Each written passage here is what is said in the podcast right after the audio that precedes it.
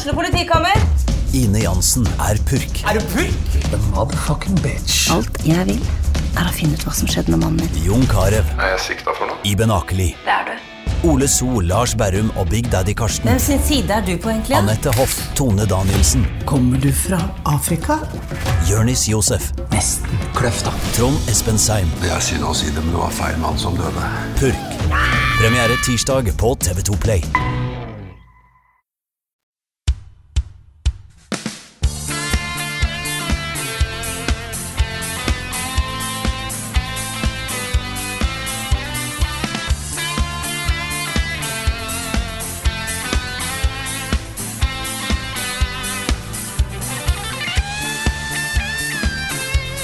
Denne uka her har det rett og slett vært en stor merkedag i spillverden, og kanskje hele verdenshistorien. Og dette skal vi selvfølgelig markere eh, med en storslått episode dedikert til at Star Citizen har, har nådd 500 millioner dollar i funding.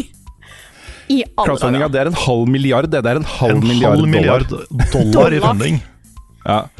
Det er, det er helt uh, spinnvilt. Dette har vært en liten føljetong i, i, uh, hos oss. Uh, naturlig at vi da dedikerer en hel episode av podkasten vår til det. Uh, Feire at, eh, at eh, Suksessen at Chris- Star Citizen. Ja, ikke sant. Mm. Chris Roberts og hans enorme suksess i spillenes verden. Det spillet her ble jo eh, først da avduka på Kickstarter i 2012, september. Det er ti år siden. Ja. Det er ti år siden. Det er fortsatt ikke noe eh, med tallet 1-0 eller høyere bak som har blitt lansert av det spillet. Jeg så, at, jeg så et screenshot fra en video fra 2015 der de sa at i løpet av året så skal, de få, eh, skal spillerne få alt de har blitt lovd. Jeg tror det var sånn rundt 2016-17 de slutta å, å snakke om liksom konkrete datoer for ferdige versjoner av disse modulene. da. For det gikk over fra, fra å være liksom ett samla spill til å være et spill med mange forskjellige moduler som du kan plukke litt, uh, litt fritt fra. Det, er- altså, det ser bra ut, og jeg vet det er folk som spiller det, som syns det er gøy, og som ser potensialet og, og alt dette her. Det, li, det ligner liksom på en scam, da. Det ligner veldig på en scam, dette her. At de ikke tør å lansere 1.0-versjoner, ferdigversjoner, for da slutter jo den der kontantstrømmen å komme, ikke sant? Men en litt, halv milliard dollar, hva kan du, du kan kjøpe ganske mye for det? Mhm. Du kan, Ja. kanskje, kanskje du kan kjøpe Minecraft, liksom? Ikke, kanskje ikke nå lenger. Jeg husker ikke helt hva Minecraft gikk for back in the day. Nei, men det var, det var oppi der. Jeg, jeg husker ikke. Vet du, Med en gang du runder liksom noen millioner dollar, så er det sånn alt, alt er veldig mye penger. Ja, det blir sånn, det blir sånn fantasypenger. Sånn monopol-fantasypenger. Ja, ja. Ja, du kunne eh, Du kunne ha kjøpt eh, en femtedels Minecraft. Det kosta 2,5 okay, ok. milliard, faktisk. Men da er de godt på vei. Nettopp. Mhm. Vi kan jo gjøre det, bruke pengene på å bare kjøpe Minecraft isteden. Mm. Ja. Nå, nå pisser vi veldig på Star Citizen her. Jeg må jo fortsatt da legge til at hvis dette spillet blir ferdig, og det får en 1-0 bak seg, og det funker og det ikke er masse bugs og sånt, så er det mulig at det blir mitt nye liv. I hvert Ja. fall mitt nye privatliv. Ja, På det er, jo, fritiden? det er jo Rune Fjell Olsen the game, det her. Ja ja, det sier vi hver gang vi snakker om det også, men det er fortsatt sant, da. Mm. Det er, eh, det er så Det å se disse videoene og bildene og sånt som slippes, da, fra De har jo sånne eh, eh, konferanser hvor de presenterer det de jobber med og ting som kommer og sånne ting, hvor det går litt i dybden. Hvor du får se lange stretches med gameplay. Som, de har jeg sett på, da. Mange av de. Og det er også det, Den derre følelsen av å være in space i et romskip du har lagd selv, gå ned på planeter du ikke vet hvordan er, og for å finne ressurser og alt dette her. Det er også en sånn zen-aktig sånn åh, Mm. det, er, det er så det, det ser så fett ut, da. Så um, jeg vil gjerne at spillet skal bli ferdig, Også. Jeg er jo ikke kritisk til, til spillet i seg sjøl, det er mer hele opplegget rundt da, Ja. eh, som er Det er veldig lett å tøyse litt med. Ja, og så er jo Uh, spilldesign er jo ekstremt komplisert, i hvert fall i et så svært spill som dette her. Altså Scopet er jo liksom 500 ganger større enn det kanskje burde vært. Mm. Så jeg tror kanskje ikke nødvendigvis det er en scam, men at de kanskje bare har bitt i over altfor mye. Jeg tror også at når du har fått inn en halv milliard dollar, så blir du litt redd for å gi ut noe i tilfelle det ikke er bra nok. Ja, det er det. Da, da er det litt sånn Det er litt som å ha 1000 mennesker på Patreon som hele tida skal bare bli fornøyd med det du leverer og sånn. Det er litt sånn press, på en måte. Et litt sånn press som ligger der, Litt sånn press og bare shit, nå må jeg virkelig levere, liksom. Åh, jeg er glad vi ikke har det, har det sånn, altså. Ja, stakkars, stakkars oss hvis vi hadde hatt det sånn. Uff a meg. Hva har du spilt i det siste? Denne uka her er det jo en stor klassisk spelserie som har gjenoppstått. Nå er jo Return to Monkey Island ute, og Rune, du har jo ikke bare spilt det, du har anmeldt det i tillegg. Gjett om jeg har. Det her var litt av et gjensyn, altså. Eh, jeg skriver jo I anmeldelsen på NRK så skriver jeg at det er litt som om Monty Python gjenforenes, ikke sant. Eh, de har vært borte en stund, eh, og her har du noen utviklere også som er på en måte kjent for Monkey Island. De har lagd Day of the Tentacle og Maniac Mansion og masse andre ting, liksom. Men Monkey Island er liksom det de er kjent for, akkurat som John Cleese og de andre er liksom mest kjent for, for Monty Python. Så det er litt som en sånn varmt gjensyn da, med en, med en komedietrupp som, eh, som veldig mange elsker. Og det er litt morsomt fordi uh, The Secret of Monkey Island, altså det første spillet, kom ut i 1990. Og da uh, Monkey Island 2, eller Chucks Revenge, kom ut året etter. Så det er jo over 30 år siden. Uh, og jeg skri skriver i anmeldelsen at dette er liksom et spill som ligger i DNA-et til uh, en godt voksen målgruppe, da, 40-50 pluss. ikke sant? For jeg regner tilbake 30 år, hvor gamle var de da de spilte? Ja, De må i hvert fall ha vært 10 cirka da, for å nyte det, så ikke sant? Så får jeg mailer da fra folk om at uh, de ikke satte så stor pris på å bli satt i bås med 40-50-åringer, for de var jo bare i 30-åra. Ja. Sånn, ja, jeg glemte å tenke på at mange var null år gamle da de spilte det spillet her. Men uh, god damn, altså. Det er altså så deilig å spille dette spillet her, fordi det er like bra, liksom, som de to første spillene. Og det er jo Ron Gilbert, som jo er var regissør uh, av originalen, pluss eh, Dave Grossman, som har liksom gjenforenes nå da, for å lage dette spillet her. Så det er ordentlig callback også til de gode gamle dager, og føles som en direkte oppfølger av eh, Monkey Island 2, som det også er. da. Historien fortsetter liksom rett etter eh, slutten på Monkey Island 2. Eh, og så spilles det akkurat likt som, eh, som det gjorde da på starten av 90-tallet.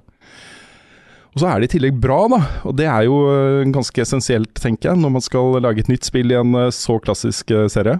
Det har på en måte den samme humoren, samme type oppgaver, samme type dialog. Men det er samtidig ganske modent. Også det er en, en slags sånn refleksjon da, rundt hva denne serien har betydd for folk, hva den har betydd for utviklerne. Masse sånn selvreferering og metalag, og eh, eh, de henviser til liksom ting som har skjedd, og det er hinting og sånn. Så det er jo et spill laget for fansen, først og fremst. Jeg tenker at du nok eh, får mest ut av det hvis du har spilt noen av de spillene før. Uh, samtidig så tror jeg nok at uh, akkurat som det var mange 10-11-12-åringer som, som spilte dette her og elska dette her uh, på 90-tallet, så er dette veldig gøy også for, eh, for eh, barn i dag også. Det er mye sånn tullehumor med bruk av, av kule props og uh, litt sånn sære kombinasjoner av ting og, og sånt som man kjenner fra eventyrspill, ikke sant. Hmm. Jeg har jo egentlig missa litt Monkey Island. Jeg tror jeg har sett Lars spille gjennom det første. Mm. Men jeg er jo glad i point and click-spill, så det er, jeg har vurdert flere ganger nå. Jeg har stått på Steam og bare vurdert å putte det i handlegruppen. Bare for å see what the fuss is about. Ja, det er veldig morsomt, og det, fordelen da med å spille de to første Monkey Island-spillene i dag, er jo at det fins walkthroughs på internett. Ja, det gjør det. Og Altså, så er det det til og med så- remaster, er det ikke det? Begge to? Jo, de er remastera. De er veldig gode, altså de remastered eh, versjonene. Um, det, de gjør på en måte begge spillene spillbare i dag. Mm. Uh, på en måte som veldig mange av de andre spillene fra den, den tiden da ikke er. Eh, så, så de setter jeg veldig stor pris på. Altså, du kan til og med velge om du skal spille med sånn ordentlig pikselgrafikk fra 90-tallet, eller om det skal liksom være litt mer modernisert. da, eh, Glattere linjer og, og sånt. Eh, og så får du også på de remastered versjonene, det heter vel Deluxe, tror jeg, begge to. Så får du også kommentatorspor da, fra utviklerne. Det er nesten like morsomt som selve spillet. De sitter og har det så gøy, altså. Og det som man får der, da, som man ikke får i Return to Monkey Island, er jo Tim Shafer. Det er den eneste tingen jeg savner i, eh, i Return to Monkey Island. For han var jo den tredje i denne trioen som satt og hadde det fett på jobb i LucasArts og kom opp med kule vitser og drodla og, og spilte på hverandre og sånne ting. Og jeg har en mistanke om at, at um, Tim Shafer er nok den skarpeste av de, den, med den liksom som treffer ekstra, det ene ekstra hakket, som drar vitsen det ekstra hakket som gjør de ekstra morsomme, ikke sant. Mm. Eh, så når man ser også hvor eh, vital han fortsatt er med Psychonauts 2, så tenker jeg at han i den miksen her hadde gjort dette spillet enda et lite hakk bedre også. Mm. Samtidig så er jeg glad for at han tok seg tid til å lage Psychonauts 2. Da. Ja, ja, ja, absolutt. det er ikke noe tvil om det. Og så er det også, um, tror jeg, et riktig valg da, å gjøre dette spillet her mye, mye, mye, mye mye lettere enn det originalene var. Det er ikke noe sånn at du går rundt med en apekatt i inventaret ditt i ti timer og lurer på hva i all verden skal jeg bruke den apekatten til. Og du, det som skjer, ikke sant, er at du bruker den på alt Ja, ja. som du kommer over. Kanskje det er dette, nei det var ikke det heller. Kanskje det er dette, nei det var ikke det heller. Mm. Ikke sant? Det var prima gameplay det, det på 90-tallet. Oh yes. Ja, og det er jo sånn her også. Du kan velge å spille hardcore-modus eller casual-modus. Mm. I casual så er det færre trinn da, på de puzzlene du skal løse, eh, og løsningene er mer åpenbare. Mens på hardcore så er det jo litt sånn som det var før. Da må du jo gjette litt. Men på toppen av det så får du også et eget hintsystem, så hvis du står fast, så kan du når som helst, uansett hvilken puzzle du er i, i ferd med å løse, gå inn i hintboka, få ett hint, og hvis det ikke er nok, så kan du få et til. Hvis det ikke er nok, så kan du få et til, og til slutt så får du basically løsningen, da. Um, og det er litt sånn bra hvis man ikke har lyst til å bruke 30 timer på det spillet her. Um, litt mindre bra for mestringsfølelsen, fordi jeg vil nok si for min egen del at det å finne ut av mange av disse puslene her på egen hånd, og komme til det der eureka-øyeblikket, hvor det er Å, det er det vi skal gjøre, ja! Det, det savner jeg litt, da. Uh, men uh, det føles litt umoderne, egentlig, å lansere et spill som er sann i dag. Så jeg tror nok det er riktig alt i alt, da. Så kan det jo også tenkes at vet, Det vet jeg ikke, men eh, det kan jo også tenkes at det er noen trophies eller noe sånt knytta til å ikke bruke hintboka, da. Men um, det gjenstår å se. Det er bare ut på PC og Switch øh, og Mac foreløpig. Um, men kommer jo på flere plattformer etter hvert. Men det er et veldig bra spill. Det er et veldig bra spill, Særlig hvis du kjenner de, øh, opphavet, liksom. Øh, veldig stødig håndverk, godt skrevet, bra manus, eh, god dialog, gode rollefigurer. Eh, alle de gamle skuespillerne vender tilbake. Samme musikerne og komponistene er tilbake. Og da samme manusforfattere, selvfølgelig. Så, um, så dette er et sånn derre tour de force, også. Det er et ordentlig, ordentlig solid håndverk i det å bringe en gammel klassiker tilbake på den måten. Jeg vet jeg ikke er den eneste også som, eh, som setter pris på den, den eh, nostalgibomben der. Det er så gøy å se folk som har slutta å spille for mange år siden, ikke sant. Kryper ut av skapene sine og graver fram gamle laptop. Kan denne spille med Return to Monk Island? um, det har jeg lyst til å gjenoppleve den, og det er litt gøy å se, altså. Dette er et, eh, et spill som har prega liksom kulturryggraden til en hel generasjon. Kanskje til og med to generasjoner. Ja, Det virka som NRK våkna, til og med. Ja. Altså resten av Ja, NRK. de, de har fått en, eh, en ny kulturkritiker som, eh, som er veldig glad da, i pek og klikke eventyrspill. Som, eh, som jeg, jeg vet ikke om det er den første um, kommentaren som er skrevet, kulturkommentaren som er skrevet, men det var i hvert fall en, av de få, om ikke den første, som handler om hennes kjærlighet til Monkey Island og Gr- Grim Fandango og uh, den type spill. Da. Og det, er, det var kjempegøy å se. Det var gøy å få anmeldelsen min liksom sammen med en faktisk kulturkommentar. Det er, da løfter du på en måte kultur, eh, Mm. eh, spill som kultur på en måte som, som jeg syns er viktig og bra. Altså. Mm. Absolutt. Så eh, alt i alt et, et storslagent gjensyn, altså. Kjempe, kjempefornøyd. Nice. Vi har jo satt vår Early Access-spaltist på saken. Han anmelder det nå. Det er mulig at eh, jeg pitcha en liten sketsj eh, til, til denne anmeldelsen, som vi har blitt enige om å lage sammen. Så, Nice. Så gøy. så den gleder jeg meg til å lage. Um, men han fikk skrive manuset, da, så jeg bare kom med ideen. Og så uh, eh, får vi se hva det kommer ut av det. Men jeg har også spilt et spill til som også er humor. Ja. Eh, det, er, det er litt kult med spill som er også komedier. Også som er på en måte laget for å være morsomme og for å få det til å le. Og det er ikke så lett å få til, og det er ikke så mange som gjør det. Nei, det er, det er mange som prøver, men det er ikke så mange som får det til. Mm. Nei, mye liksom plump humor og sånt. Og kanskje de beste eksemplene fra nyere tid er mer sånn vitser i ellers ganske seriøse spill. Mm. Ja. Som fungerer. I sånn Uncharted og God of War og sånne ting hvor det plutselig tuller litt, liksom. Så, så blir det veldig morsomt. Uh, men jeg har spilt et spill til som bare eksploderte på Twitter og andre sosiale medier eh, denne uka her. Uh, som ble lansert på Steam til en knapp hundrelapp. Uh, som heter Trombone Champ, altså trombonemester. og jeg, jeg, altså så jeg satt der og spilte det, og satt her inne på kontoret helt aleine og lo, mens resten av gamergjengen var ute og spilte Fifa og hoia og skreik. Så satt jeg her inne og Jeg klarte ikke å la være å le høyt, liksom. Dette er jo et rytmespill som ser ut som et, et Wii-spill. Eh, Ja, egentlig. det ligner på, ligner på liksom gamle Singstar og, og sånn. Mm. Hvor uh, du spiller trombone, og så beveger du musa opp og ned da, for eh, pitch. Og så trykker du på en hvilken som helst tast på tastaturet for å blåse i trombonen. Og så må du treffe, du må treffe tonen, liksom. Uh, og da er det alt fra Beethoven til uh, Tsjajkovskij og eh, amerikanske nasjonal uh, anthem og alt mulig rart, da. Og det var en nydelig cover av Beethoven. Eh, Ja, det var vakkert. si det, altså.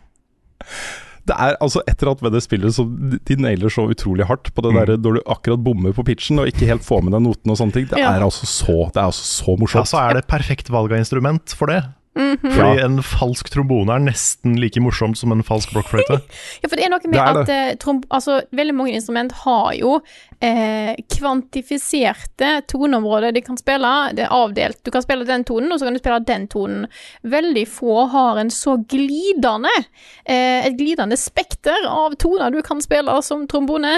Eh, Så da må du på en måte treffe posisjonene korrekt. Og når du ikke gjør det, så eh, var det Det var veldig mye vakre toner du spilte i den videoen din, Rune. Å, tusen takk, tusen takk. Det var altfor meget.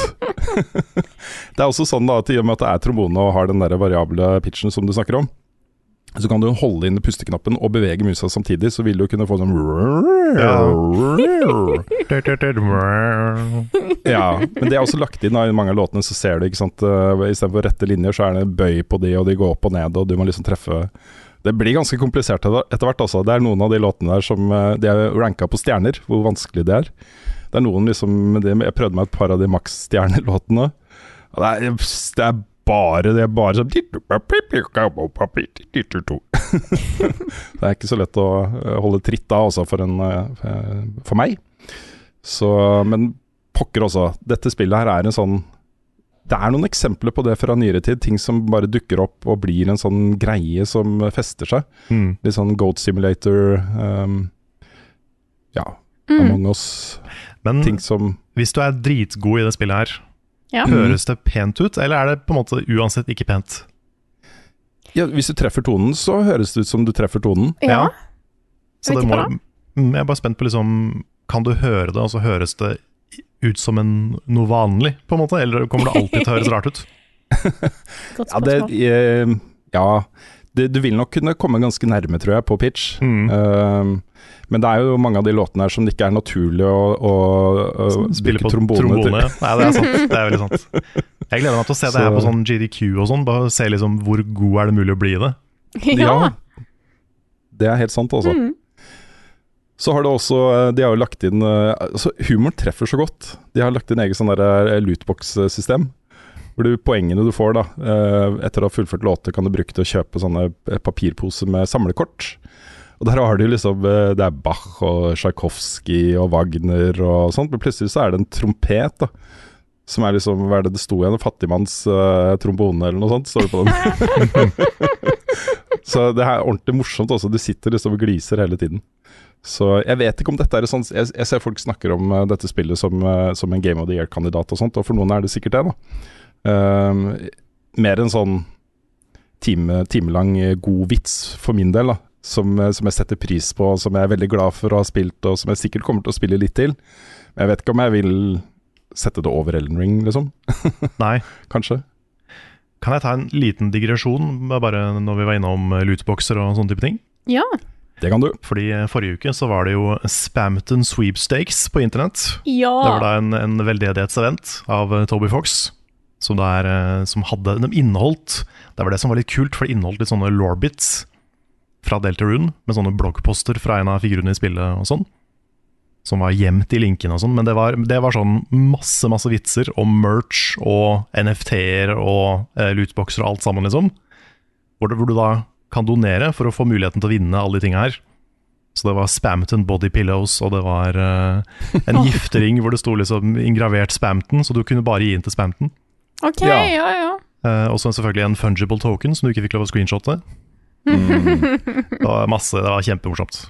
Så det var et utrolig bra event. Og jeg satt jo og fulgte med, for jeg, var, jeg er så sykt engasjert i Deltarune law, så jeg må liksom få med meg hva, hva er det de revealer her. Og det er små spennende ting som, som er liksom helt, helt nytt til eh, chapter 3 osv. Så, videre.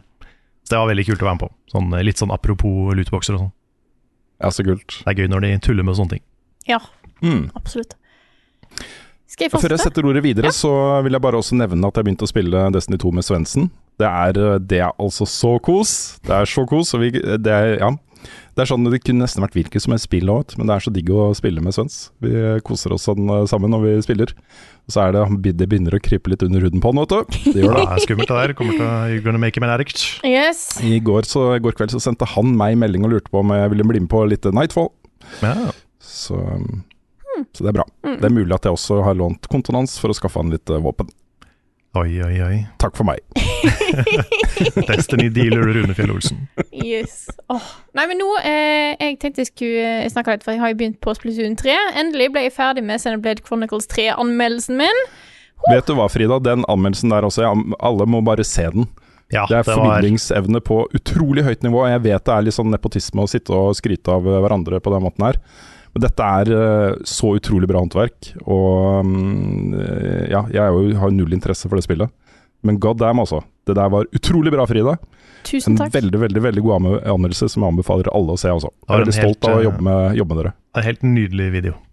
Mm. Tusen takk. Jeg er veldig fornøyd med hvordan han ble. Det, jeg tok meg litt ekstra tid med han for å få han, få han som jeg ville. Det er veldig bra. Men ja, jeg har kastet meg ut i Splatoon 3. Det er jo eh, spill nummer to av Nintendo sine treere som kom- kommer dette året. Eh, der er det jo Xenoblade 3, Splatoon 3, Bajonetta 3. Eh, så Splatoon 3 jeg har, eh, Det er ikke bare jeg som har begynt, bare så det er sagt. Jeg har også, eh, vi har òg Leander, som òg har begynt litt på det. Kanskje det blir en liten dobbel anmeldelse der. Jeg har eh, begynt på eh, online-biten. Hovedsakelig testa litt eh, Turf War og litt sånn ranked battles. Og jeg må si at det er veldig kjekt å komme tilbake til Splatoon. Jeg merker at en del av kontrollsystemet fortsatt sitter i fingrene, for det er en veldig naturlig måte å styre på. Eh, bevege seg rundt, eh, dukke ned i malingen. Eh, jeg kjenner at det å sikte med gyroen, det er det som kommer til å trenge mest tid for å få det inn igjen, eh, rett og slett. Men eh, så langt så eh, liker jeg det jeg ser. Jeg, jeg eh, er nødt til å undersøke litt mer om på en måte, hva er det som egentlig er nytt.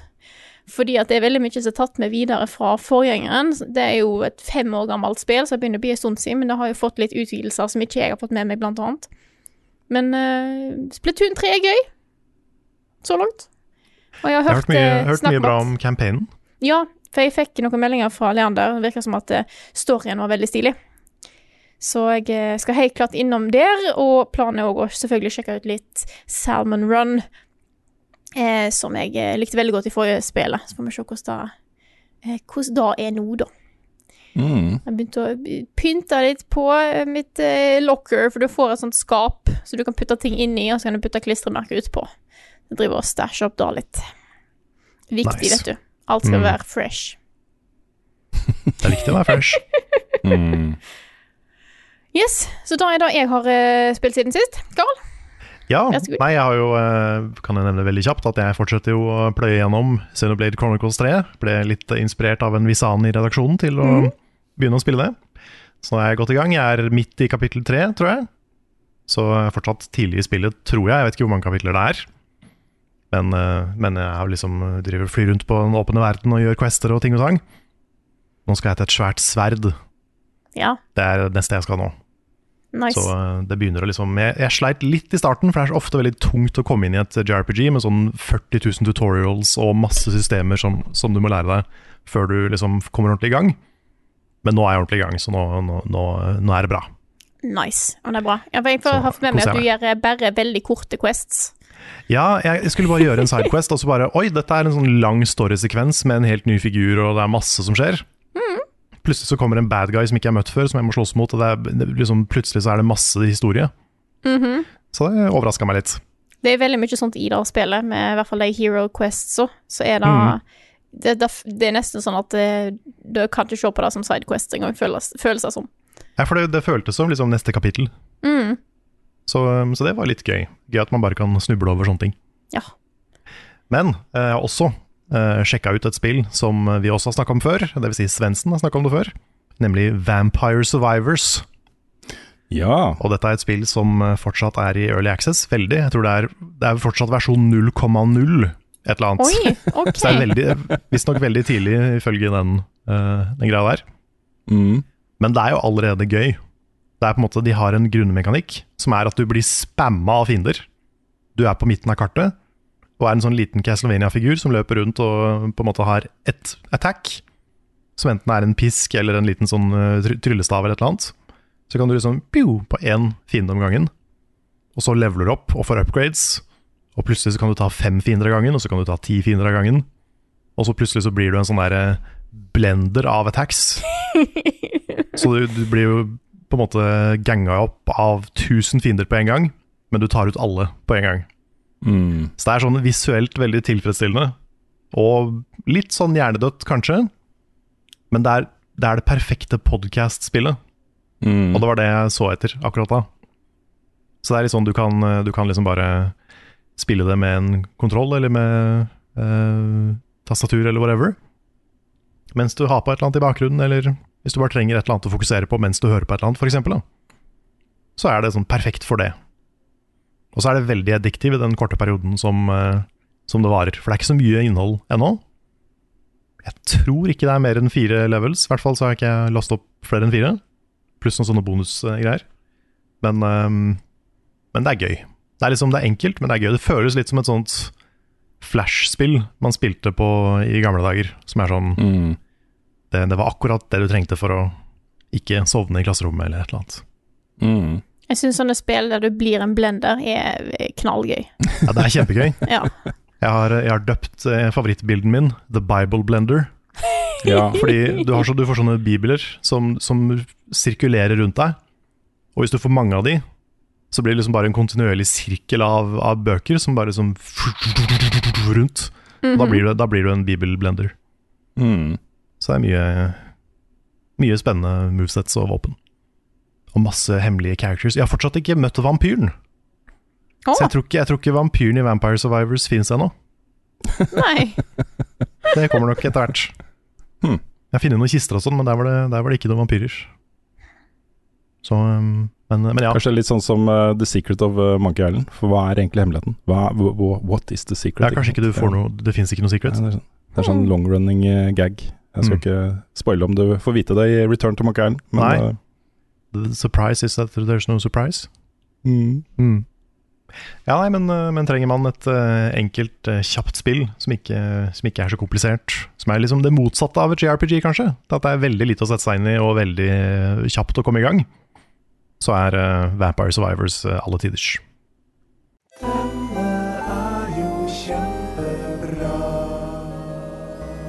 Ukens anbefaling. Nå når Rune skal komme med en anbefaling, må jeg spørre på forhånd Er det en TV-serie? Ikke en TV-serie i dag.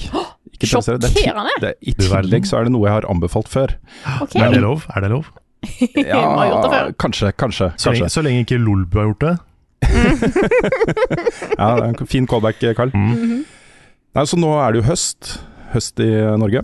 Eh, Det er blitt litt kjøl- kjøligere i luften og sånt. Jeg elsker det. Eh, Men jeg innså på vei til kontoret i dag at jeg har fått en tradisjon. Og det er at hver gang høsten kommer til Norge, og det begynner å bli litt kjøligere i lufta og sånne ting, og jeg koser meg, så trekker jeg fram en, eh, en artist som jeg har blitt fryktelig glad i eh, de siste fem, seks, sju åra. eh, Lana Del Rey. Og det er så perfekt musikk for det norske høstmørket og det norske kulda, liksom. Fordi eh, ikke bare er det litt sånn emo i, i stilen, selv om det er jo, det er jo ikke emo-musikk, men eh, den, den er veldig sånn melankolsk, da. Eh, men det er også, du er, også når du hører på musikken, hun er så god på tekstene at du er i Cal California. Altså du, har, du kan liksom høre Palmesuset, eh, masse referanser til gatehjørner som jeg vet akkurat hvor er og har vært på selv, og eh, sånn strendene og alt det der, liksom.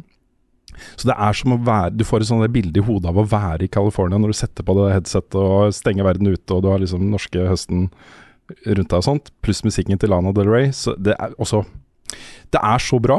Det er så bra. Jeg anbefaler folk også å gi det en sjanse, som kanskje ikke tenker at eh, nei, den, denne rolige eh, ballademusikken her er ikke noe for meg. Bare hør på tekstene og lev deg litt inn i musikken, liksom. Det er uh, ordentlig bra, altså. Så jeg ville bare gjenta det tipset. At uh, egentlig alt hun har lagd, da, særlig de to siste albumene, um, Lust for Life og Norman fucking Rockwell, er uh, briljant, altså. Det er kjempebra. Så Så Lana Del Rey er for høsten, det Mariah Carey er for jul. Ja, nå syns jeg du drar det litt langt, Carl, men Ja. ok. Her kommer nyheter med Rune Fjell-Olsen, og han har ikke hår. Første nyhetssak i dag er jo en eh, sak som er eh, innmari svær, men som eh, vi akkurat missa i forrige episode av podkasten. og da snakker jeg selvfølgelig om lekkasjen fra Grand Theft Auto 6. Det er jo en eh, hacker som har eh, sluppet over 90 videosnutter fra en tidlig utvikler uh, intern kode av spillet på internett, pluss massevis av skjermbilder. Uh, hackeren hevder også å sitte da på kildekoden til både GTA 6 og 5. Um, og Rockstar har uh, uh, sluppet en, uh, en statement hvor de sier at de er veldig veldig skuffa, men at det ikke påvirker daglig driften av GTA 5 eller utviklingen av GTA 6. På det punktet jeg vet jeg ikke helt om jeg stoler på de. Det er jo selvfølgelig en uh, ganske dramatisk sak at kildekoden til et spill er tilgjengelig. Det åpner jo opp muligheten for hacking og uh, cheats og masse greier, liksom. Mm. Um, ikke minst er det jo også uh, businesshemmeligheter. de der greiene de har gjort inni koden sin, liksom. Så, um, så er det også sånn at denne hackeren har jo gitt beskjed til Rockstar om at han er villig til å forhandle med dem. Jeg vet ikke hvordan de har eh, svart på det. Eh, Men han, også, han eller hun har også sagt at, at vedkommende også står bak hacken av Uber eh, rett før Rockstar, og dermed er også FBI da involvert, for dette er jo et amerikansk selskap. Mm. Så det er jo utrolig dramatisk selvfølgelig når sånne ting skjer. Ikke minst så er jo eh, GTA 5 et spill som har solgt 169 millioner eksemplarer Å, eh, per juni 2022. Eh, folk sitter jo og spiller Det er jo et av de mest populære spillene på nett fortsatt. Nesten aldri på salg. Det er jo et godt signal om at det fortsatt selger som hakka møkk. Og, og det er jo hverdagen til folk. Det å på en måte spille GTA Online, selvfølgelig. Så, um, så dette er nok en sak som kommer til å løpe og gå. Jeg husker jo hvor dramatisk det var også da eh, Half-Life eh, 2 ble hacka. Uh, Valve og Det var samme type sak, da. Kildekoden var eh, borte. Uh, ikke borte, den var jo fortsatt på serveren. Men den var ute i det fri. Uh, masse som ble sluppet eh, lenge før det var ferdig. Mm. Si, det, det Project Red hadde jo samme opplevelsen med nettopp Cyberpunk. Det som kanskje er mest forstyrrende for et såpass stort maskineri som det Rockstar er, det er jo den derre eh, følelsen av å gå på jobb og, og bli bombardert med meninger om spillet ditt, basert da på noe som ikke er ment for offentligheten, og som ikke er representativt heller for sluttproduktet. Er, du ser jo tydelig, jeg har bare sett et par av de klippene, du ser jo tydelig at her sitter en og spiller som bare tester ut eh, miljøene, eh, animasjoner, hva skjer hvis jeg gjør sånn, Altså, Mm. det er ikke en person som spiller spillet, det er en person som tester teknologien, ikke sant. Så, um, så jeg, jeg forstår det veldig godt at uh, det å da bli bombardert på sosiale medier med inntrykk av et spill du sitter og jobber på, er ganske tøft, altså. Ja, i hvert fall når du ser på hvor mange som ikke skjønner at dette er tidlig, og det er sånn ja. spill ser ut når det ikke er ferdig. Ja. For det er tydeligvis mange som ikke har fått med seg. Det, det, var, det var en litt sånn legendarisk bad take på Twitter som jeg så øh, florerte her om dagen, med en som mente at nei, grafikken er det første de lager. Ja, den har jo blitt Ja. fulgt opp da av den ene utvikleren etter den andre, inkludert uh, Dpad, Ja. som, uh, hvor uh, Joremi slapp jo da en, en video fra den første prototypen av Vikings on Trampolines, Nydelig. satt opp mot, uh, Ja, ja. mot reimaginingen til Simon. Da. Men det er en veldig sånn fin solidarisk ting som jeg ser veldig mange studioer gjør nå. Uh, Ja. Remedy gjorde det med Control. Et Ja, det var som- den beste, beste jeg så av de. Ja, et spill som jo vant priser for grafikk uh, og, og sånn. Så det, det er en fin ting å på en måte bare ha på det tørre at uh, grafikk er det siste. Du, du, du kan ikke pynte kaka før du har bakt den. Nei, det er akkurat det. Så det, det, pynten er det siste som skjer. Alltid. Mm. Nei, så Jeg så bare et par av de videoene, og jeg har ikke noe behov for å se dem. Det er, jeg, jeg vet at dette ikke er representativt, og jeg blir litt sånn uh, uh, lei meg for å se liksom, folk sitte og være sånn armchair developers og bare spy ut eder og galle. Basert på noe som de egentlig ikke trenger å ha noe mening om. Det er, uh, Rockstar sier at det, GTA 6 er flere år unna, og det vil ikke se sånn ut når det kommer. Det så, så det eneste sånn lekkasjemessig som man kan hente ut av det, er at det er jo en slags bekreftelse da, på at vi snakker om eh, Vice City-setting. Og at det vil være en eh, spillbar kvinnelig rollefigur. Det er de to tingene Mm. som på en måte vi har eh, fått høre tidligere, da, i, i rykter og sånne ting. Sant? Ja, hovedpersonen er vel et par, er det ikke det? Et litt sånn Bonnie and Clyde-par. Det er det, det som ryktet sier, ja. Mm. Så kan man jo, eh, hvis man vil, hvis man vil eh, spoile seg litt, så kan man jo liksom lese liksom features og ting folk har funnet i, eh, i det materialet her. Jeg vet ikke om vi trenger å gå gjennom det her, kanskje? Men, Nei, det eh, trenger vi kanskje ikke. Nei, men det er, det er litt sånn nye gameplay-ting som sannsynligvis da blir en del av spillet, hvis ikke det blir kutta. Mm. Kan det skje, det òg. Kan skje, man vet aldri. Det var en, eh, eh, en, mechanic, det det var en mechanic i Dark Souls 3 som ble kutta helt på slutten. Bare at du kunne lage dine egne bonfires. Ja. jeg, jeg jeg egentlig ja, vi, vi trenger ikke å diskutere det, men ok. Eh, Denne saken er jo ikke over. Det vil komme mer her, så vi vender nok tilbake til den når det skjer utvikling i den. Så en herlig nyhet som kanskje vil få Carl til å spille Fifa 23. Ja, dette så jeg. Ja, Ted Lasso og Richmond FC kommer da til Fifa 23 som et lag du kan spille. Med da 3D-modeller av, eh, av uh, spillerne på Richmond og sånne ting. og Ted Lasso. Ja, ja det, altså er det én ting som kan få meg til å spille Fifa, så er det jo det her. Mm. Jeg har jo aldri interessert meg for fotball i noe som helst eh, grad, bortsett fra med Ted Lasso. Ikke For det er den hyggeligste, koseligste, fineste serien i verden. Ja, den er så bra. Den er eh, kanskje en av favorittseriene mine noen gang. Så det, er en veldig kul cameo. Jeg vet ikke Mm. hvor mye de på en måte kommer til å være med. Kommer, kommer liksom Ted Lasso til å prate? Kommer, uh, kommer spillerne til å ha noe personlighet på banen? Jeg tror nok det er Det, det- blir nok behandla som de andre lagene, som om det var et ekte lag, da.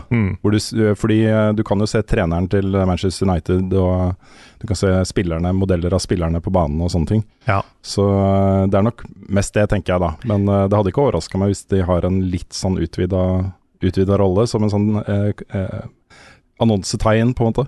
Ja, fordi hvis, hvis liksom Danny Rojas løper rundt og roper Danny Rojas eh, på banen, og, Ja. og Roy Kent er sinna og sånn, så er, da er det gøy. Ja. Det hadde vært kjempemorsomt hvis de eh, la inn litt av den type personlighet også mm. der, altså. Så, men det var, eh, var artig, artig nyhet. Artig, artig liten nyhet. Mer artig enn neste nyhetssak. Um, for et par år siden så kom det en rapport uh, i The Guardian uh, basert på et, uh, et eh, brev som da 10 av 16 kvinnelige ansatte i eh, Rocksteady hadde levert til ledelsen, hvor det da, ble Uh, rapportert om uh, Jeg kan lese på engelsk. Slurs regarding the transgendered community. Uh, discussing a woman in a derogatory or sexual manner with other colleagues. and sexual harassment in the form of unwanted advances, leering at parts of a woman's body and inappropriate comments in the office. Altså ikke direkte seksuelle um, trakassering, men mer sånn indirekte arbeidsmiljø, da Mm. Hvor da 10 av 16 kvinner hadde signert på dette her. Eh, en av de er da Kim MacAskill, MacAskill som nå har da takka nei til en Women, Women in Games Award, eh, fordi eventet da er sponsa av hennes tidligere arbeidsgiver Rocksteady og eh, Warner Bros. Interactive. Og hun, Før hun slutta da i Rocksteady, så var hun jo en av manusforfatterne på Suicide Squad, Kill the Justice League, som er det neste spillet til Rocksteady. Eh, og um, hun skriver har en masse oppdatering på Twitter hvor hun snakker om liksom, opplevelsen sin, og at, uh, at uh, hun ikke uh, kan stå inne for å være en del av et event, uh, basert på da den uh, behandlingen hun har fått etter at hun rapporterte om disse tingene og snakka med HR og, og sånne ting. For hun hevder jo da at hun har uh, tatt opp disse tingene, men ikke blitt tatt på alvor, og at, uh, at ingenting har skjedd. da. Um, på den andre siden så har du jo uh, Warner Bros og Rocksteady som uh, i en statement da sier de har satt i gang et eksternt team av uh, advokater til å etterforske arbeidsmiljøet i, i selskapet, i studio. Hvor de skriver da at den etterforskningen fant at det ikke var noe bevis som støttet opp under alle disse anklagene i det hele tatt. Um, det er litt i kontrast med andre uttalelser fra selskapet som sier at dette er noe vi tar veldig på alvor, og vi har iverksatt mange tiltak og osv. osv.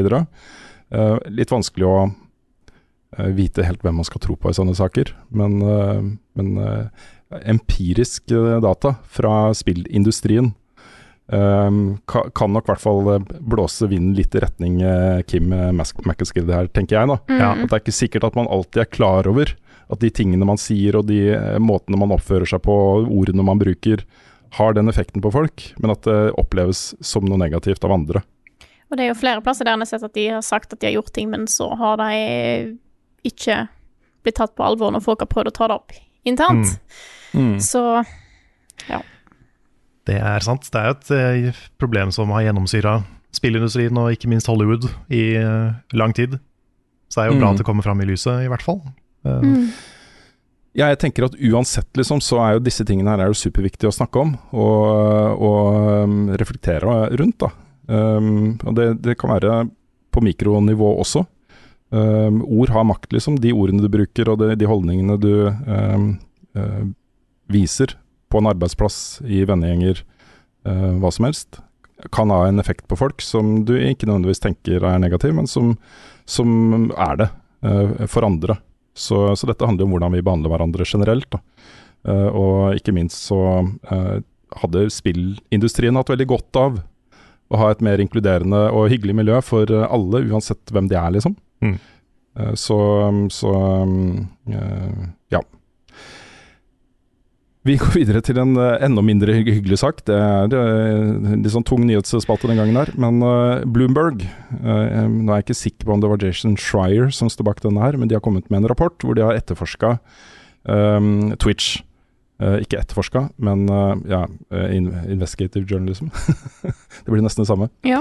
Uh, men saken går da på eh, hvordan Twitch brukes til grooming og overgrep mot barn mm. på Twitch. Og det er jo sånn at eh, akkurat som alle andre sosiale medier, så har Twitch eh, 13-årsgrense for, eh, for eh, eh, du, du får ikke lov til å streame egentlig, da, hvis du er under 13, men det er mange som gjør det. Det er mye barn som streamer på Twitch. Um, og det de har funnet, er jo et mønster hvor uh, um, uh, barn da blir liksom oppfordra til å gjøre ting på stream, uh, og hvor da man ser eh, de samme brukerne liksom gå fra kanal til kanal for å se på VODs da, fra disse streamene. At det er en sånn en slags, en sånn playlist med Mm. barnestreamere som folk følger. ja. Dette her må folk være klar over, altså. Um, når man slipper barna våre løs på internett. Dette er en reell uh, situasjon. Mm. Et, re en re et reelt problem, både på Twitch og andre steder, YouTube osv. Det er uh, gode grunner til at man uh, kanskje ikke bør være i offentligheten på den måten før man uh, er litt eldre. ha. Par og Jeg- 20, egentlig. Ja, jeg har, jeg har liksom hørt om en del Twitch-kontroverser i det siste. Denne her hadde jeg ikke hørt om. Den var ekkel. Ja, det er skikkelig ekkelt. Eh, det er skikkelig ekkelt, men bare vær klar over det, folkens. Det Ja. er, det, jeg, jeg kjenner folk jeg, som, som lar barna sine ha eh, YouTube-kontoer og den type ting, og det er helt uaktuelt for, eh, for mine barn. Mm. Det er jo Ja. nettopp uh, pga. sanne ting, da. Ja, det, sånne ting er helt uh, grusomt. Det Åh, gud, internett er en, uh, en fin plass, men òg en forferdelig plass samtidig. Stort sett, eh, stort sett en, en vakker, flott eh, plass hvor man kan eh, formidle spillkultur og underholdning og, og spillglede til et, et hyggelig publikum, Mm. men ikke alltid. Ikke alltid. Ikke alltid. Det er flere uh, Twitch-saker her. De har nå uh, bestemt seg for å ikke tillate gambling streams. Og det vi snakker om da er ikke nødvendigvis sånn Pokémon-kort og sånt, selv om det kanskje er litt i gråsonen. Eh, det er snakk om rene gamblingspill, hvor man eh, har en innsats, en pengeinnsats, og det er ren tilfeldighet. Også sånn slot machines og disse ballene som ruller ned, og hvis du får multiplier på sånn og sånn, så får du, ikke sant. Um, ren, rene gambling streams. Og dette, det er jeg veldig glad for at de har eh, slått ned på. Ja, jeg trodde ikke det var lov, jeg. Altså sånn, sånn reine gambling streams, liksom. Det har vært lov tidligere, så, um, og det er jo potensielt ekstremt skadelig, da, fordi disse streamene er utrolig um, også Det er lett å bli påvirka av de. Mm. Uh, når du sitter og ser en person du liker uh, bruke 10 000 dollar uh, for å se om han kan tjene 100 000 dollar, Mm. og kanskje han eh, gjør det, kanskje ikke. Men du blir gira på en måte som er ganske skummel, altså. I hvert fall hvis det er sånne folk som jobber for de selskapene her og har rigga det og sånne ting som har skjedd på YouTube før. Det er jo gjort en del forsøk på å etterforske akkurat det også, fordi det er noen av disse streamerne som har bemerkelsesverdig mye flaks. Mm. Um, og det, det er jo en teori, da, i hvert fall, Om at, øh, at øh, det, er, det er en del av markedsføringa, på en måte. At man har litt bedre flaks enn man egentlig har, da. Sånn at det skal se litt fetere ut på stream. Er kanskje ikke så god reklame hvis en, en streamer taper en million dollar. Nei. Nei, det minner jo litt om den der eh, Hva var det de het? Team Arten og de som hadde den der eh, CSGO-skins-scammen for noen år siden. Ja. ja. Med, fant denne kule nettsida hvor jeg kunne vinne skins, og så var det hans nettside. Mm. Mm. Åh, håpløse greier. Og så er det jo en, en åpen beta ute av Call of Duty Modern Warfare 2, hvor nå da Infinity Ward får flengende kritikk for manglende arabisk representasjon i det spillet. Og det som er litt rart her, eh, er at da ifølge bl.a. Rami Ismail, som er en, øh, en kjent indieutvikler, han jobbet tidligere i Flamber, eh, også veldig sånn uttalt på sosiale medier og mye følgere og alt dette her. Uh, han påpeker da bl.a. at, at uh, når du er på arabiske steder i dette spillet, så er det jo mange arabere som eh, er PC-er og skuespillere og sånt. Men de er ikke arabiske. De bare prøver å snakke arabisk, så han skjønner, han skjønner ikke hva de sier. Han må ta på subtitles da, for å liksom få med seg hva de faktisk sier. Nei. Og det er litt weird, altså, i Ja. et spill som, eh, som foregår på liksom rundt omkring i verden, og er satt da i kontrast mot, uh, mot uh, Mexico-kart i dette spillet, som åpenbart da er laget eh, av folk med, med kunnskap om eh, latinamerikansk eh, kultur og språk og sånne ting. Så det er litt sånn der, nesten litt sånn der tullete, um, idiotisk, Ja. at man ikke tar seg råd og tid til å faktisk da skaffe noen arabiske skuespillere liksom, til disse rollene. Syns det er rart, altså. Ja, Mm. ja, det er rart. En veldig rar prioritering. Ja. Ja. Det, det var mye mer vanlig før å ta snarvei på sånne ting. Mm. Eh, da skjedde det hele tida. Men jeg føler det, er liksom, det har gått litt av moten. At folk har blitt litt flinkere nå til å være litt mer autentiske og sånn. Mm. Ja, det er, det, det er, jeg syns bare det er litt merkelig. Det er sånn, Vi tuller jo med, med, med Trondheim-greiene. Ja, X-Files på Ja, ja, ja. norsk, ja. Ja, og det, det, skjer jo, det skjer jo hele tiden. Mm. Og for uh, folk som ikke kan norsk, liksom, så eh, høres det ut som norsk. Ja, ja. Um, men eh, det er, det er litt flere uh, arabisktalende personer i verden enn nordmenn, da, Yep. som kan norsk. Mm. Så, um, så det handler jo om å ta et, et ganske stort publikum på alvor. Sant. Et litt stort spill også. Ganske stort spill. Mm. De har penger til det. De har pinadø penger til deg det, altså. de. Bare gjør det. Ja. Gjør det. Ok. EA har bekrefta at eh, Motive, som jo er studio bak Star Wars Squadron og eh, den kommende Dead Space-remaken, nå jobber på et Iron Man singleplayer-spill. Ja. Mer enn det vet vi ikke. Det er noen år unna, men uh, uh, da vet vi det, i hvert fall. ja. ja men det, det blir spennende. Mm, Det er altså Bra superheltspill kan vi aldri få nok av. kanskje ikke. Og så er det et eh, rykte da, eh, om at eh, Sony planlegger en ny PlayStation 5-modell eh, med lansering neste år, neste høst, hvor de dropper da den to, tomodellsystemet som de har i dag, hvor det er en med disk drive og en uten, og isteden lanserer en modell hvor du har et eksternt, eller i hvert fall sånn disk drive du kan av, ta av da. Du kobler den til via USB bak, liksom, um, istedenfor at det er to forskjellige modeller. Eh, kanskje da i kombinasjon med den oppdateringen som eh, er lansert er vel bare i Australia foreløpig, tror jeg. Hvor de har bytta ut en del komponenter, sånn at modellen blir eh, 20-30 lettere. Um, så istedenfor å kanskje lansere en eh, PlayStation 5 Pro, de gjør kanskje det etter hvert også, for alt jeg vet, så eh, jobber de med iterasjoner da, på, på konsollen. Jeg tror mye av det nok er basert på komponentmangel. At man prøver å finne eh, alternativer som er lettere å få tak i og produsere. Mm. Um, så um, Jeg så det var noen på Twitter som um, sa at nå skulle de skaffe en sånn til den PS5-en de har som allerede har en disk drive, så kan de spille to spill samtidig. Hva er dines best, hvor var fredag sist? Har Carl egentlig sopp? Ukens spørsmål. Det har kommet inn en drøss med spørsmål denne gangen. Det er alltid kjempegøy. Og vi starter med et spørsmål fra Torkel Johansen, som spør Er det noen planer om å dekke Norges beste gamer under slash etter finalen. Og mm, ja, God anledning til å bare eh, nevne hvordan det gikk. ja. For vi hadde jo både Nick og Sebastian i aksjon på Oslo, eh, Oslo-finalene. Det hadde vi. De kom på syvende og åttendeplass. Sebastian slo Nick, altså. Ja, faktisk. Men de leverte Mm, dritbra, begge to. Altså. Jeg var jo jeg, oh, ja. I, I was there. Ja. Mm. Jeg så de holdt på. Og, og Nick, eh, når han spilte Call of Duty, og, og Mario det var, det var fascinerende å se på. hans Ja, det må jo ha betydd at konkurransen var ganske skarp, da. At det er mange gode gamere rundt omkring. Jeg hadde, jeg hadde, jeg må innrømme, at jeg trodde det var en walkover for, for Nick. Basert på, på det å ha sett han spille ting han ikke har spilt før, her hos oss. Så Han- lett han tar ting, da. Ja, Han er jo en sånn, eh, sånn naturtalent som bare Gi ham et spill i ti minutter, så er han mestra det, liksom. Mm. Men det, er, det var kanskje det som var problemet, da, for det var åtte minutter på de fleste spillene. ja. Så det var akkurat for lite tid for at Nick skulle Ja, liksom det var de siste to minuttene, ja. Mm. Jeg tror det. Det kan ha vært det. Men, Men- uansett godt levert av en veldig fin reportasje som dere lagde fra, fra det opplegget. Det var, det var gøy. Også gi en eh, shout-out til Sebastian, som var, en, eh, han var et monster i, eh, i Beat Saber. Mm. Det var nesten et perfect run. Ja, det er utrolig kult, altså. ja.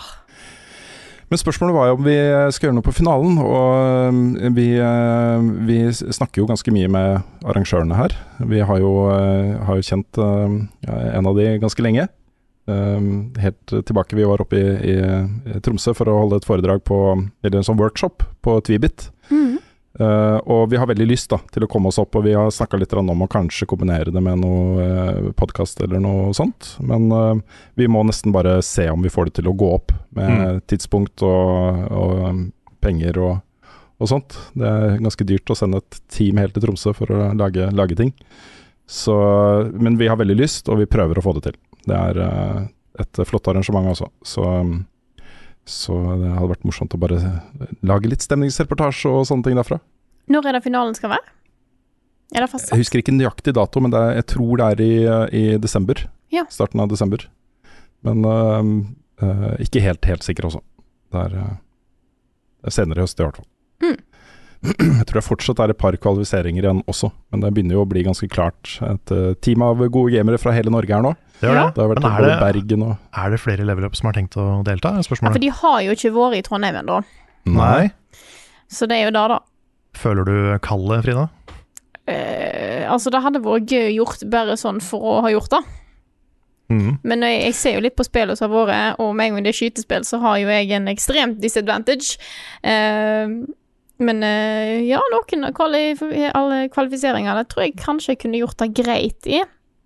Men jeg er jo ikke Ja, når det ikke gikk kjempebra for Nick, så vil jeg jo ikke helt uh, Nei, men du, du vant jo nesten, da. Jeg vant nesten. Du vant nesten. vant nesten. Ja. Du var se. bare én juksestrek unna seier i duellen uh, Den forrige sesong også. Uh, men- Nei da. Uh, vi får se. Det spørs litt når kvalifiseringen her i Trondheim er. Hvis det passer, så kanskje, kanskje jeg tar meg en tur innom. Ja, kanskje du kan ta med Leander, til og med? Kanskje jeg må dra med meg Leander. Noen må filme dette, vet du. Så Ja, kan vi filme sant. når hverandre holder på. Og så Bare tenk deg, du har mange mange år med dissing av oss andre i redaksjonen hvis uh, enten du eller Leander går videre, ikke sant? Ja. mm. Absolutt. Ja, det er mye jeg kan vinne på dette her. Mm. Og så har jo Hans Kasper vært med før, Ja. så Mhm. kanskje han er med i år? Han kom jo til finalen, i år, ikke det? Jo, han gjorde det. I, når han var eh, Nord-Norges beste gamer. Mm.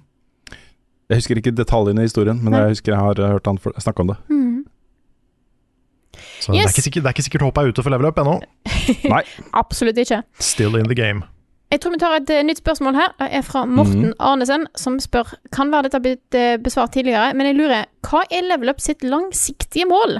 Jeg vil anta at dette er noe som muligens har endra seg etter hvert som tilværelsen deres òg har endra seg, og da mer enn én gang.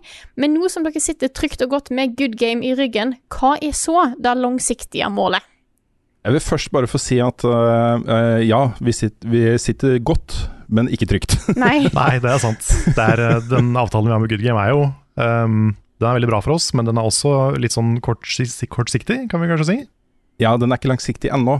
Øh, vi, øh, de har jo, eier jo nå 51 av Level Up AS, med en opsjon om å kjøpe resten. Og Det er jo da litt basert på hvordan dette og neste år går for oss. Og situasjonen er jo sånn at nå, nå gjør vi, nå gambler vi litt. Vi satser for første gang, da. Siden vi gikk inn dit, så satser vi ordentlig med eget studio, fire arbeidsplasser. Vi har uh, henta inn flere ansatte, flere frilansere. Bruker rett og slett dobbelt så mye penger som vi gjorde før dette oppkjøpet. Det betyr jo da at vi også må tjene dobbelt så mye penger for å gå i null. Uh, For vi har aldri hatt noe sånn massivt overskudd i det selskapet her. Det har vært uh, sånn vi holder oss på budsjett og bruker ikke mer penger enn vi har og sånne ting. Men vi tjener heller ikke masse penger. Uh, Og det vil jeg si er litt sånn indikativt på hva det langsiktige målet vårt også er. Fordi jeg vil nok si at det det først og fremst handler om for min del, det er jo å ha den arbeidsplassen hvor, eh, som, som jeg har lyst til å stå opp om morgenen og gå til, liksom. Som, som er, inneholder det jeg har lyst til å gjøre her i livet. Eh, det er på en måte mitt mål nummer én. Da. Mm. Eh, og da er, måte, da er det jo viktig å tenke økonomi, og det har vi gjort hele veien. Vi har jo vært flinke da, til å ikke bruke mer penger enn vi har. Eh, og vært villige til å tjene mye mindre enn vi egentlig uh, bør tjene for å få det til å gå rundt, ikke sant. Så, og det er fortsatt eh, på en måte det langsiktige målet. Det Mm. å ha en såpass trygg økonomi at vi kan holde på med dette her en stund. Ja, ja, jeg tenker litt sånn For min del så er det det, er det å kunne gjøre den jobben vi gjør, på en stabil arbeidsplass, som ikke jeg trenger å bekymre meg for at liksom, kanskje ikke jeg har den her om et år. Mm. Og bare det å sitte trygt i båten, på en måte, og kunne lage det man vil, og kanskje også ha rom til å lage enda mer litt sånn eksperiment, eh, eksperimentelle ting. Mm. Ja, for jeg vil si den største eh, hva skal man si, utviklingen av eh, vårt selskap da. det siste året har jo vært at nå har vi dedikerte folk til å klippe ting og filme ting og, og styre med lyd og alle de tingene som jo har tatt en utrolig stor andel av tiden vår når vi har lagd litt større produksjoner. Um, og det, det hjelper så sjukt mye, altså. Um, så så vi, det blir vanskelig å eventuelt gå tilbake til en situasjon hvor man ikke har det. Hvor eh, vi ikke har råd til å ha Nick på heltid, hvor vi ikke har råd til å ha Espen inn og Svendsen og, um, og sånt. da. Ja. Så, så jeg, jeg har jo et uh, håp, håp om, da, om at det, dette er sånn level up vil være i årene framover. Eh, men vi har ingen ambisjoner om å vokse masse, liksom. Om å bli kjempesvær og bade i gryn. Det er på en måte ikke eh, det er kan, kanskje, kanskje Good Game Eyes er, har noen ambisjoner der, men, eh, men for vår del så handler det egentlig bare om å tjene nok penger til at vi, vi kan holde, holde det gående på et akseptabelt nivå, da. Mm. Og mitt mål er å kjøle en halv milliard dollar. Ikke sant? En halv milliard dollar, Ja. Mm. Men du er, jo, du er jo sjefen i podkasten, så det ordner vi. Ja, ja. Og så er det jo også sånn at, uh, at um, uh, min personlige primære motivasjonsfaktor, det er jo å lage bra greier. Og jobbe med folk som lager bra greier. Og utvikle meg og få til nye ting som jeg ikke fikk til før. Um, Mm. og så videre. Og være liksom oppriktig engasjert da, i jobben jeg gjør. At uh, det ikke er noe jeg bare står opp for å gjøre, liksom, men det er noe jeg brenner for, og noe som, jeg- som jeg er oppriktig engasjert i. Mm. Det er uh, helt essensielt, da. Det er det, hvis ikke denne hadde vært der, så hadde, hadde jeg nok kanskje gjort noe annet, tror jeg. Ja. Mm. Ja, hvis vi, hvis vi kommer, på, kommer til et punkt hvor vi har på en måte alle mulighetene og færrest mulig distraksjoner, Mm. det er eh, perfekt for min del. Når vi liksom kan fokusere på det vi har lyst til å gjøre, og det vi brenner for å gjøre, Mm. og bare liksom gå 100% inn i det, det er eh, det ideelle for, for min del. Mm. Så vil jeg også da legge til at, uh, at uh, de inntektene vi får fra Patron er fortsatt ekstremt viktige for oss. Også uten de så hadde vi Da vet jeg ikke hvor, vi hvor jeg hadde vært uh, i dette samarbeidet med Good Game heller. Fordi det er en såpass stor andel av inntektene våre fortsatt da, at, uh, at uh, vi nok ikke hadde klart oss uten. Uh, og så er jo fortsatt målet da, å, å øke andelen inntekter fra mer kommersielle ting. Kanskje finne en, en publiseringspartner til spilluka. Kanskje det er noen som har lyst til å vise fram anmeldelsene våre. Kanskje vi har noen nye prosjekter som vi um, nå, nå snakker jeg litt sånn vagt her, men Ja, for det, for det er ikke bare kanskje, vi har til og med laga piloter. Vi har laga piloter og vi har laga salgsdokumenter, og det er mye, som foregår da, i kulissene. Mm. Men folk må være klar over at det å lage nisjeinnhold uh, som oss, vårt innhold, er, det er ikke, folk står ikke i kø for å kaste penger på oss, liksom. Det, du må jobbe ganske hardt for det. Uh, og um, uh, ha, ja, Ja. Det, det er vi, vi snakker ikke engelsk, vi snakker norsk. Det er et lite marked uh, med et nisje, med nisjeinnhold, liksom. Mm. Men det, det er et langsiktig mål for meg, at noen andre ordner alt som har med markedsføring og penger å gjøre. Mm. For det er, det er ikke mitt bord, kjenner jeg. Nei, det er, jo ikke, altså det er jo ikke mitt bord heller. Jeg jobber mer med det enn det du gjør, kanskje. Men, Mm. uh, men uh, jeg er jo ikke noe selger. Nei. Og mitt uh, eh, salgsargument nummer én er jo liksom Vi lager sjukt bra innhold. Mm. Og det er, ikke sant, hvordan, hvordan tjener man penger på det? Det kan jeg Nei, det vet jeg ikke. det må du finne ut av. Ja, heldigvis så finnes det folk som hjelper oss med det, og som gjør det. Uh, Ikke sant? Så, så de, de vet forhåpentligvis litt mer enn oss om hvordan man selger sånt. Mm. Kan jeg bare ta et sånt tilleggsspørsmål uh, som passer til akkurat det, fra Marius Hansen Hansen Hansen? Ja. Mm. Det er, nå var det ikke jeg som stammet, Eh, det, det er det han skriver. Mm. Eh, som lurer på hvordan det er eh, til meg, hvordan det er å være leder for et lite dynamisk selskap med mange kreative sjeler. Hva har vært den største utfordringen, bortsett fra penger, eh, å balansere hva man vil gjøre mot hva man kan få til. Da vil jeg først si at, at ok, jeg er nok Altså, det, det står at jeg er daglig leder for selskapet, liksom. Lever på AS. Og det er jeg som går i de fleste av de der møtene som, er, som handler om penger og, og sånt.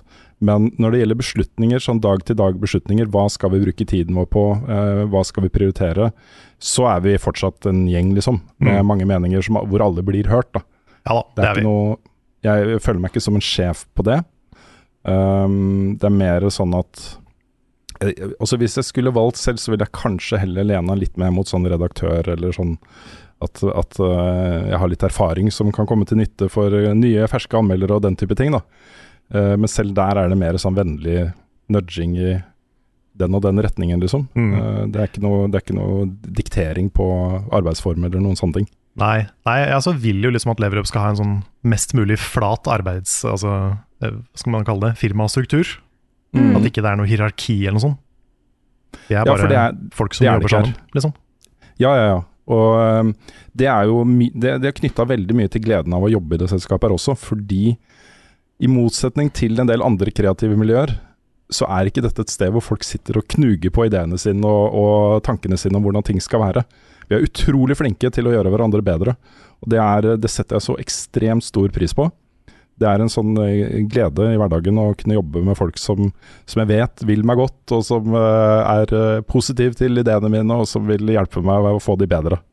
Det er en, det er en sann glede, altså. Hell yeah. Mm. Mm, Skal vi ta det andre spørsmålet til, til Marius når vi først er i gang? det kan vi gjøre. Det kan Da er til Karl. Hvor kjøpte du slash dere den kule kunsten til hjemme og kontor? Det er litt, litt forskjellig, men jeg kjøpte mesteparten av bildene på, på Inprunt, altså INPRNT, tror jeg, altså Ja. uten, uten i-en i midten, Uh, .com. Og så var det det svære Night in the Woods-bildet som jeg har i gangen, det kjøpte jeg på Redbubble, som også er en annen side, som har masse, masse, masse greier. Eh, og så Mm. kjøpte jeg skjerme, eh, skjermene, eh, rammene kjøpte jeg separat. Ja. Så de bare kjøpte jeg inn fra BGA Foto, eller hva det heter. Mm. Så litt rundt omkring på internett, egentlig, men du finner, du finner jo utrolig mange steder. Er det ikke Cook and Becker, heter de? De er også utrolig fine sånne artprints som du Ja. kan kjøpe i svære størrelser. Og da er, da er vel òg, hvis jeg husker rett, eh, lisensiert. Det kan hende. Mm, jeg Mm. tror det er faktisk uh, real deal. For det er jeg kanskje ikke. Nei, Det kan men det er, det er nok en ting med Redbubble. De er nok ikke det. Mm. Så der kan det være mye, mye litt sånne bootleg-aktige ting. Så vær litt bevisst Jeg på har det. en litt sånn, jeg har en litt sånn bootleggeaktig ting på veggen bak meg på hjemmekontoret. Okay. Det er eh, noen som har malt uh, coveret til ICO. Ja. Det er jo ikke Ja, altså det er jo en kopi, liksom. Det er jo, ikke, det er jo akkurat det samme som coveret. Um, men uh, det var det jeg ville ha, så Mm. da ble det det. Jeg tror det kanskje var society6.com. Eller Ja. om det var Redbubble, det husker jeg ikke. Det var der jeg kjøpte de Final Fantasy-bildene jeg har eh, bak her. Mm. Mm. Det var Society 6, men de har de slutta å selge. Jeg har egentlig vurdert å skaffe flere, men det går ikke an. Nei. Men det er gøy også. Det er gøy å tråle disse sitene her for, uh, for kunst, fordi du, er så du, du finner liksom noen perler innimellom fra mm. noen folk som er skikkelig gode da, til å tolke spillopplevelser du er glad i selv. Og lage sin egen vri på det. Ting kanskje ikke ligner akkurat, det er ikke henta rett fra spillet, men du ser helt åpenbart at det er inspirert av, og at det kommer fra kjærlighet og de tingene der. Mm. Det, det er en sånn litt sånn voksenting da, å pryde veggene med. Mm. Sånn kunst basert på spill du er glad i. Ja, litt sånn sub subtil nerd, på en måte. Mm. Mm. Det Det er, er ikke sånn sånn med svære sånn Final Fantasy. Nei, det er, ikke, det er ikke så mye logoer. Det er mer litt sånn uh, visuelle inntrykk, på en måte. Mm. Så det er kult. Det er det. Skal vi ta et spørsmål til? Det kan vi gjøre. Rune, har du et? Jeg kan eh, ta et fra Stian Eriksen. Faktisk sluttet å spille Elden Ring, eller bare sluttet å snakke om Elden Ring? Altså, jeg er ikke Jeg har ikke med spilt det på lenge. Nei, jeg er, ikke, jeg er ikke ferdig med å spille Elden Ring ennå, så det må være at jeg må slutte å snakke om det. Ja. Nei, for jeg har, det er flere måneder siden jeg tok det opp uh, sist. Samme her. jeg tror nok jeg kom til et punkt hvor jeg følte meg ferdig for denne gang, men det Mm. kjenner det nøkker til innimellom. Det- Ikke sant? Det gjør det. Jeg har en sånn liten faith-bild som jeg eh, så vidt har begynt på. Som jeg Ja. bare popper innom av og til, men det er ikke, ikke mye. Carl, har du Ja. et uh, neste? Det har jeg. Det er fra Kristoffer Bolern Zetlitz. Han sier Hei, gjengen. Etter den nyeste traileren til Zelda Tears of the Kingdom kom ut, har det dukket opp utallige analysevideoer og såkalte predictions med teorier om hva, alt, om hva alt i denne traileren kan være og bety. Er dette noe dere følger med på og er interessert i, eller gjør dere opp egne teorier og ønsker om hva alt betyr? Jeg har selv fulgt med på dette og syns det er spennende. Jeg bare vil ha deg. Ja, samme her. Vi fikk en kommentar forrige uke på at uh, tears og tears er to forskjellige uttalelser på, på, på tårer og liksom Mm. rifter og sånn. Det har jeg Mm. aldri hørt før, at det var to forskjellige måter å uttale det på. Det er samme som bear og beer. Ja. Så det som er riktig, er å si te Tears of the Kingdom. Ja. Med i og ikke e. Ja. Jeg husker eh, første Da jeg kom til USA som 17 år gammel eh, og møtte eh, vertsfamilien min første gang, vi satt i bilen eh, fra, på vei fra flyplassen, så, så ble det snakk om å stikke på Burger King for å spise. Og så, eh, sa jeg, så spurte de om jeg hadde Burger King hjemme og sånt. Så sa jeg ja, det har vi. eh, Hvilken burger er det du liker? Og så sier jeg Whopper. Og så begynner, begynner versesøstera vertsesøstera mi å le for måten jeg sier Whopper på. det er en del sånne nyanser som jeg fortsatt ikke helt skjønner, særlig når det gjelder liksom VR og W-er og, Mm. Mm. og sånt. Ja, akkurat den der den eh, ear og ear, den, den er jeg dårlig på. Det tror jeg bare har én uttale. Jeg vet jeg sier det feil. Mm. Men om, om Zelda-spillet eh, Jeg syns jeg syns det er veldig interessant å se hva folk finner ut, og hva detaljer folk ser som ikke jeg ser. Men eh, med akkurat eh, på det spillet her, og det er en del andre spill også, så blir jeg helt sånn jeg, vet hva, jeg trenger ikke å se det, jeg har bare lyst til å få det, sånn at jeg ikke har noe altfor mye inntrykk av hva spillet skal være på forhånd. Mm. Jeg har noen sånne spillserier som jeg ser på sånne der um, YouTube-videoer som har slowa ned traileren og liksom sett etter detaljer og, og sånne ting. Jeg gjør nok det mye på Deltarune og på Kingdom Hearts og sånne ting. Men akkurat på Zelda og God of War og det, Jeg vet ikke hvorfor ikke jeg gjør det på de, men bare noen ganger så bare vil jeg heller bare bli overraska. Det er litt sånn eh, I de spillene så, så er jeg mer opptatt av å på en måte ha en plausibel bakgrunnslaw, som jeg ikke nødvendigvis kan kjenner til i detalj, liksom. Men jeg føler som spiller i denne verden at her ligger det liksom arbeid bak eh, hvem disse forskjellige eh, folkegruppene er, og hvor de kommer fra, og er, ikke sant, hvem er de. Mm. Eh, men jeg trenger ikke å huske nøyaktig liksom, slektstrær og, og sånt. Det, det holder liksom å bare føle at det ligger mer bak. Um, det er litt den der følelsen av å være i en virtuell verden. Det, akkurat det samme som å reise til, eh, til Barcelona, liksom.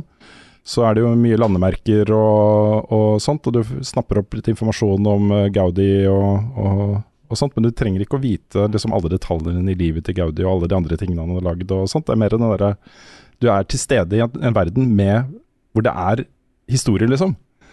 Eh, som du bare kan føle på kroppen. Det er litt den jeg ser, ser etter også i åpen verdensspill. Skal jeg eh, ta et nytt spørsmål her? Kjør på. Mm. Da tar jeg et fra Jon Magnus Restad, som spør noe litt på SIO og bare for gøy. Hvor høye er dere i redaksjonen? Jeg vil tippe Rune rundt 1,82, Carl på ca. 1,85, Lars ca. 1,90, Svendsen og Nick rundt 1,87, Bjørn på 1,97 og Frida rett over 1,70.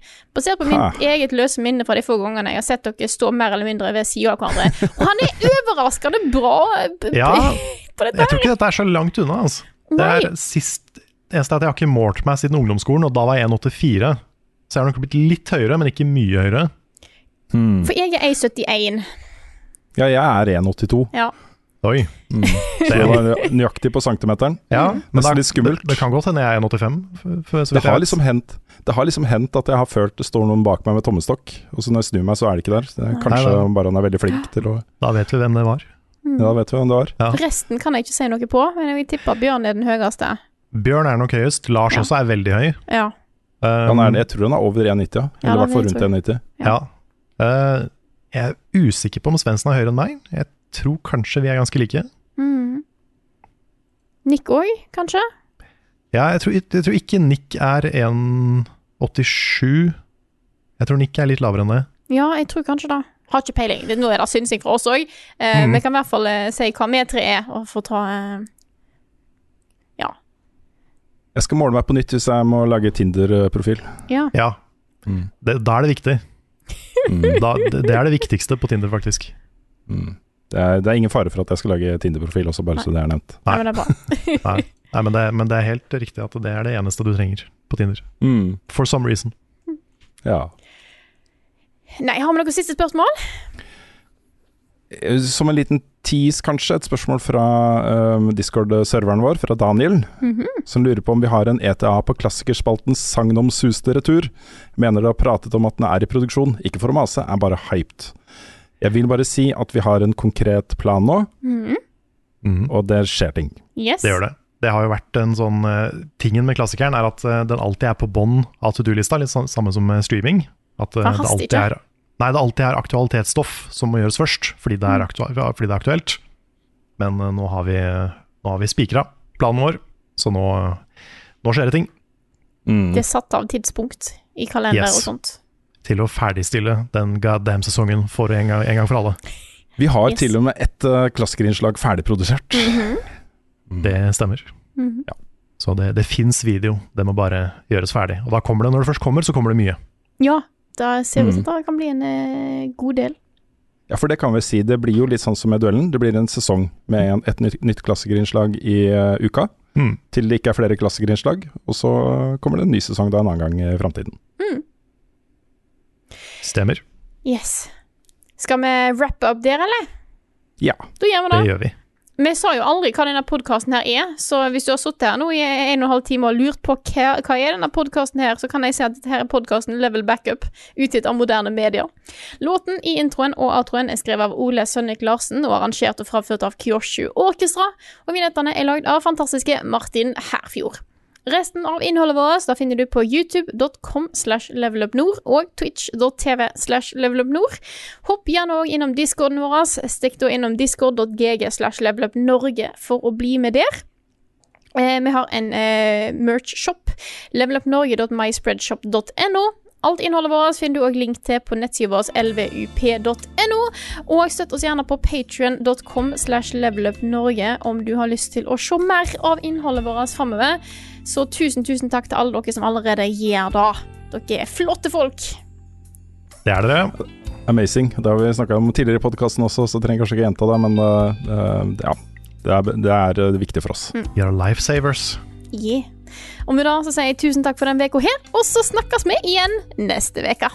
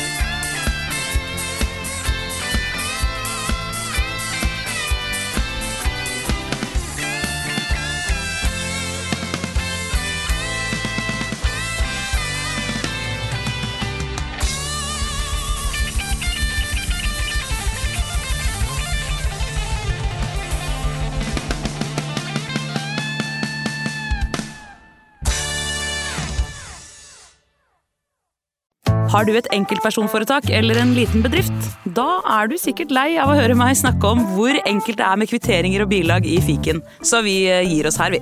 Fordi vi liker enkelt. Fiken superenkelt regnskap.